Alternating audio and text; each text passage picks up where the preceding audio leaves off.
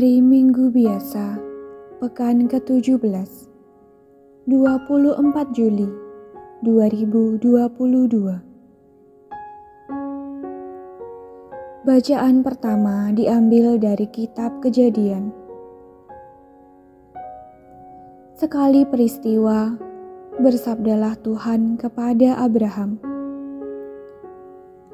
"Sesungguhnya..." banyaklah keluh kesah orang tentang Sodom dan Gomora, dan sesungguhnya sangat beratlah dosanya. Baiklah, aku turun untuk melihat apakah benar-benar mereka telah berkelakuan seperti keluh kesah orang yang telah sampai kepadaku atau tidak. Aku hendak mengetahuinya. Lalu berpalinglah orang-orang itu dan berjalan ke Sodom. Tetapi Abraham masih tetap berdiri di hadapan Tuhan. Abraham datang mendekat dan berkata, "Apakah engkau akan membinasakan orang benar bersama dengan orang fasik? Bagaimana sekiranya ada lima puluh orang benar dalam kota itu?" Apakah engkau akan membinasakan tempat itu? Tidakkah engkau mengampuninya karena kelima puluh orang benar yang ada di dalamnya itu? Jauhlah kiranya daripadamu untuk berbuat demikian, membunuh orang benar bersama dengan orang fasik, sehingga orang benar itu seolah-olah sama dengan orang fasik jauhlah kiranya yang demikian daripadamu. Masakan hakim segenap bumi tidak menghukum dengan adil. Tuhan berfirman, Jika aku dapati lima puluh orang benar dalam kota Sodom, aku akan mengampuni seluruh tempat itu demi mereka. Abraham menyahut, Sesungguhnya aku telah memberanikan diri berkata kepada Tuhan, walaupun aku debu dan abu. Sekiranya kurang lima orang dari kelima puluh orang benar itu, apakah engkau akan memusnahkan seluruh kota itu karena yang lima itu?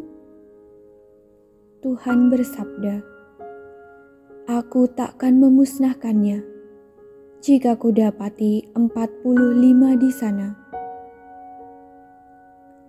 Lagi Abraham melanjutkan perkataannya. Sekiranya empat puluh didapati di sana. Sabda Tuhan. Aku takkan berbuat demikian demi yang empat puluh itu. Kata Abraham, Janganlah kiranya Tuhan murka kalau aku berkata sekali lagi. Sekiranya tiga puluh didapati di sana. Sabda Tuhan. Aku takkan berbuat demikian jika ku dapati tiga puluh di sana. Kata Abraham lagi, Sesungguhnya aku telah memberanikan diri berkata kepada Tuhan. Sekiranya dua puluh didapati di sana. Sabda Tuhan. Aku tidak akan memusnahkannya demi yang dua puluh itu. Kata Abraham, Janganlah kiranya Tuhan murka kalau aku berkata lagi sekali ini saja. Sekiranya sepuluh didapati di sana, jawab Tuhan. Aku takkan memusnahkannya demi yang sepuluh itu. Lalu pergilah Tuhan setelah selesai bersabda kepada Abraham, dan kembalilah Abraham ke tempat tinggalnya. Demikianlah sabda Tuhan.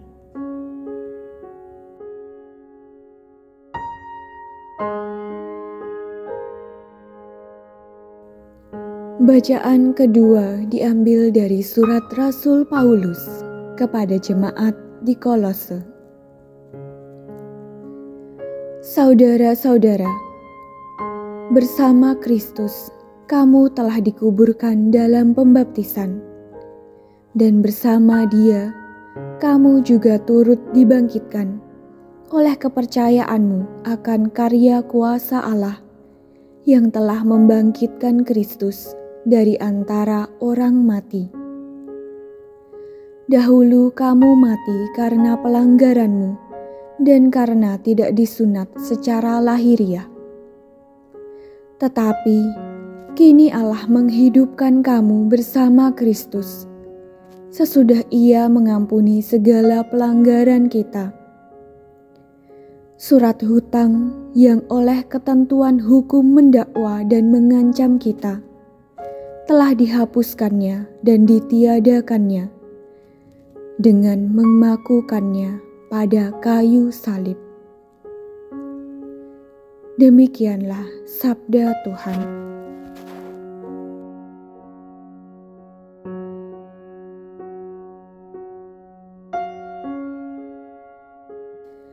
Bacaan Injil diambil dari Injil Lukas. Pada waktu itu, Yesus sedang berdoa di salah satu tempat. Ketika ia berhenti berdoa, berkatalah seorang dari murid-muridnya kepadanya, "Tuhan, ajarlah kami berdoa sebagaimana Yohanes telah mengajar murid-muridnya." Maka Yesus berkata kepada mereka, "Apabila kamu berdoa, katakanlah, Bapa, dikuduskanlah namamu, datanglah kerajaanmu. Berilah kami setiap hari makanan yang secukupnya, dan ampunilah dosa kami, sebab kami pun mengampuni yang bersalah kepada kami." Dan janganlah membawa kami ke dalam pencobaan. Lalu katanya kepada mereka, "Jika di antara kamu ada yang tengah malam pergi ke rumah seorang sahabat dan berkata kepadanya, 'Saudara, pinjami aku tiga buah roti.' Sebab seorang sahabatku yang sedang berada dalam perjalanan singgah ke rumahku, dan aku tidak mempunyai apa-apa untuk dihidangkan kepadanya. Masakan ia yang di dalam rumah itu akan menjawab, "Jangan mengganggu aku, pintu sudah tertutup, dan aku serta anak-anakku sudah tidur. Aku tidak dapat bangun dan memberikannya kepadamu." Aku berkata kepadamu, sekalipun dia tidak mau bangun dan tidak mau memberikan sesuatu, meskipun ia itu sahabatnya. Namun, karena sikap sahabatnya yang tidak malu-malu itu, pastilah ia akan bangun dan memberikan apa yang dia perlukan. Oleh karena itu, aku berkata kepadamu Mintalah, maka kamu akan diberi. Carilah, maka kamu akan mendapat. Ketuklah, maka pintu akan dibukakan bagimu. Karena setiap orang yang meminta akan menerima, setiap orang yang mencari akan mendapat, dan setiap orang yang mengetuk akan dibukakan pintu. Bapa manakah di antara kamu yang memberi anaknya sebuah batu kalau anak itu minta roti? Atau seekor ular jika anaknya minta ikan? Atau kala jengking kalau yang diminta telur? Jadi kamu yang jahat tahu memberikan yang baik kepada anakmu, apalagi Bapamu yang di surga Ia akan memberikan Roh Kudus kepada siapa pun yang meminta kepadanya. Demikianlah sabda Tuhan.